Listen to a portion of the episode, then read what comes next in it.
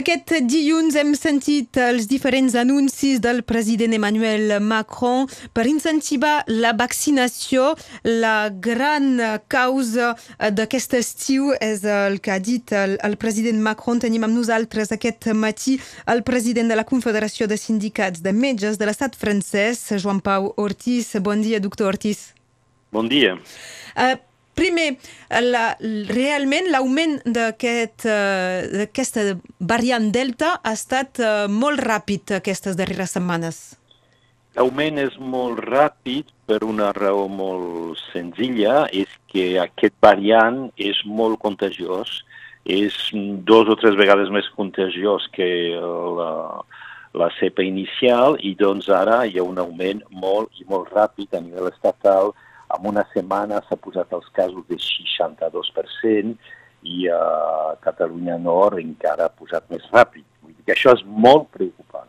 Què és el que ha fallat en, en el pla, entre cometes, de...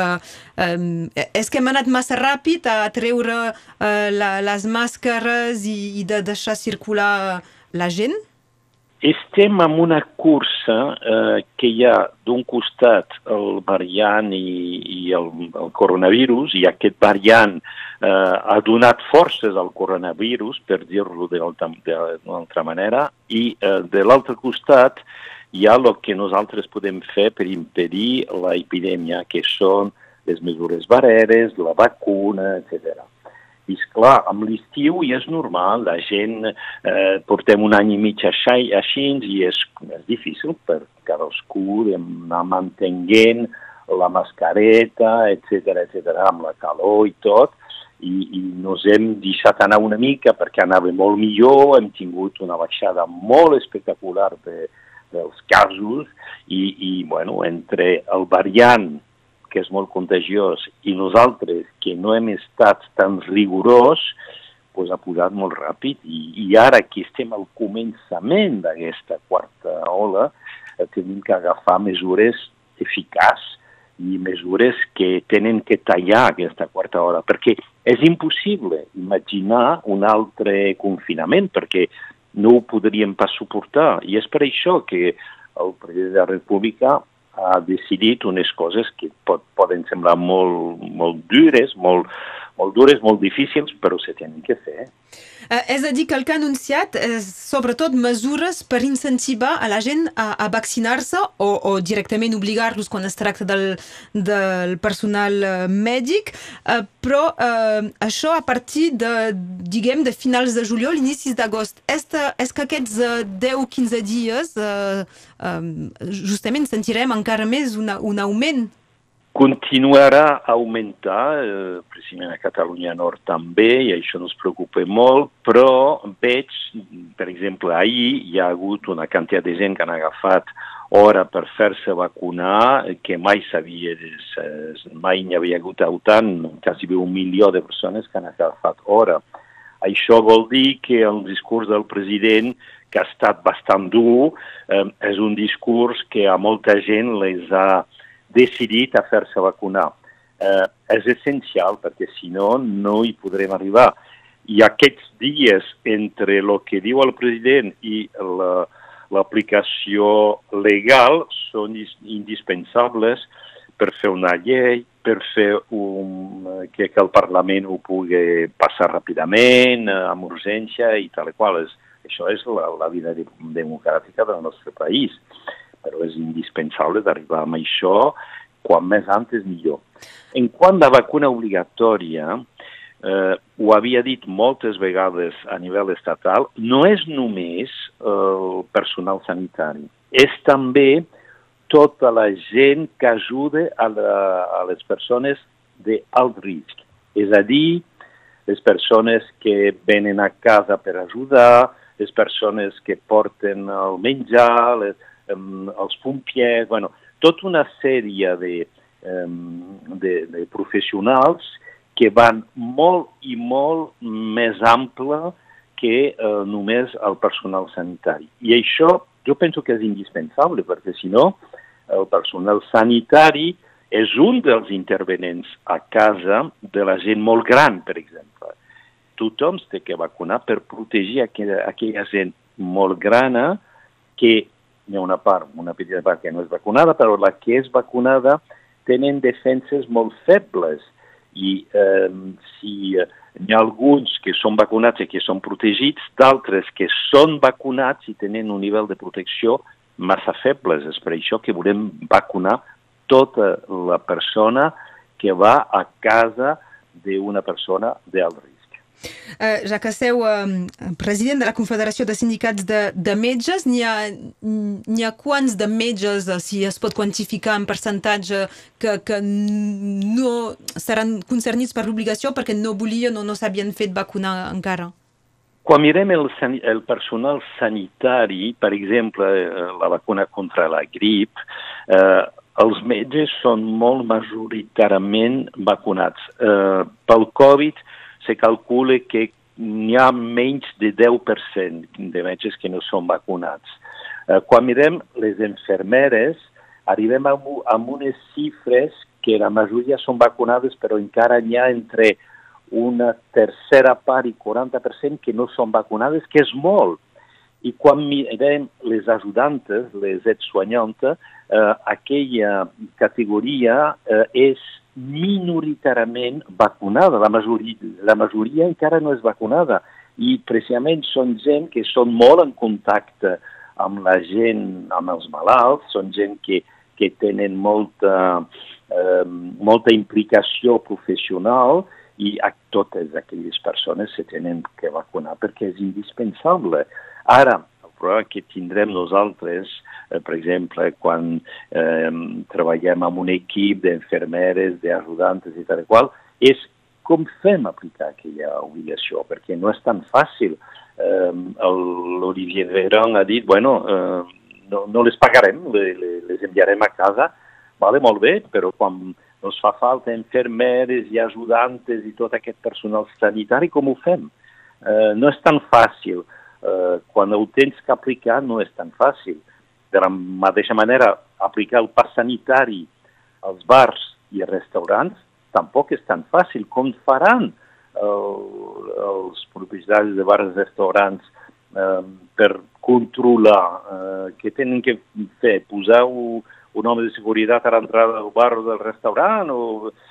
Vull dir, quan ho ves a la vida quotidiana, aquella obligació aquell pas sanitari obligatori, que jo penso que és indispensable, fer-lo aplicar per tot cada dia a cada establiment no és tan fàcil. Eh, perquè eh, si hem parlat de l'obligació, perquè ha estat expressada així per, per al personal en contacte amb, amb el, el públic eh, que, que té més risc de, de Covid, eh, no se diu, però, però és implícit per a la gent que treballa també en bars, restaurants, cinemes, teatres, perquè s'ha dit que no seria només aplicat als clients, sinó també al, al personal que hi és i no es poden anar fent PCRs cada tres dies.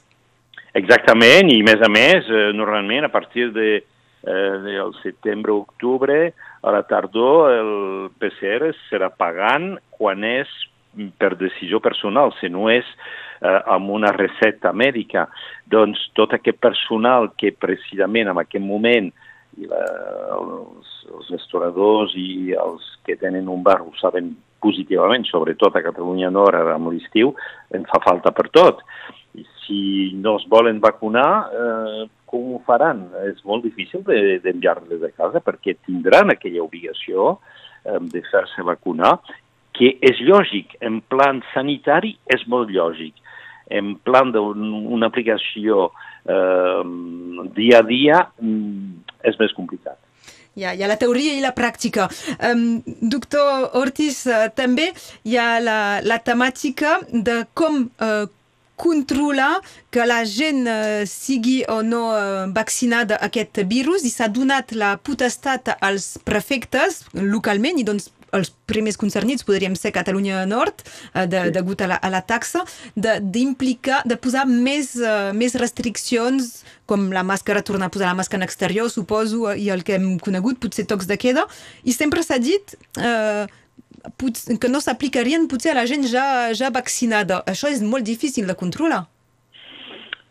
No és tan difícil. Jo penso que ara cadascú té que responsabilitzar hem estat en un estat de confinament que ha tocat tothom.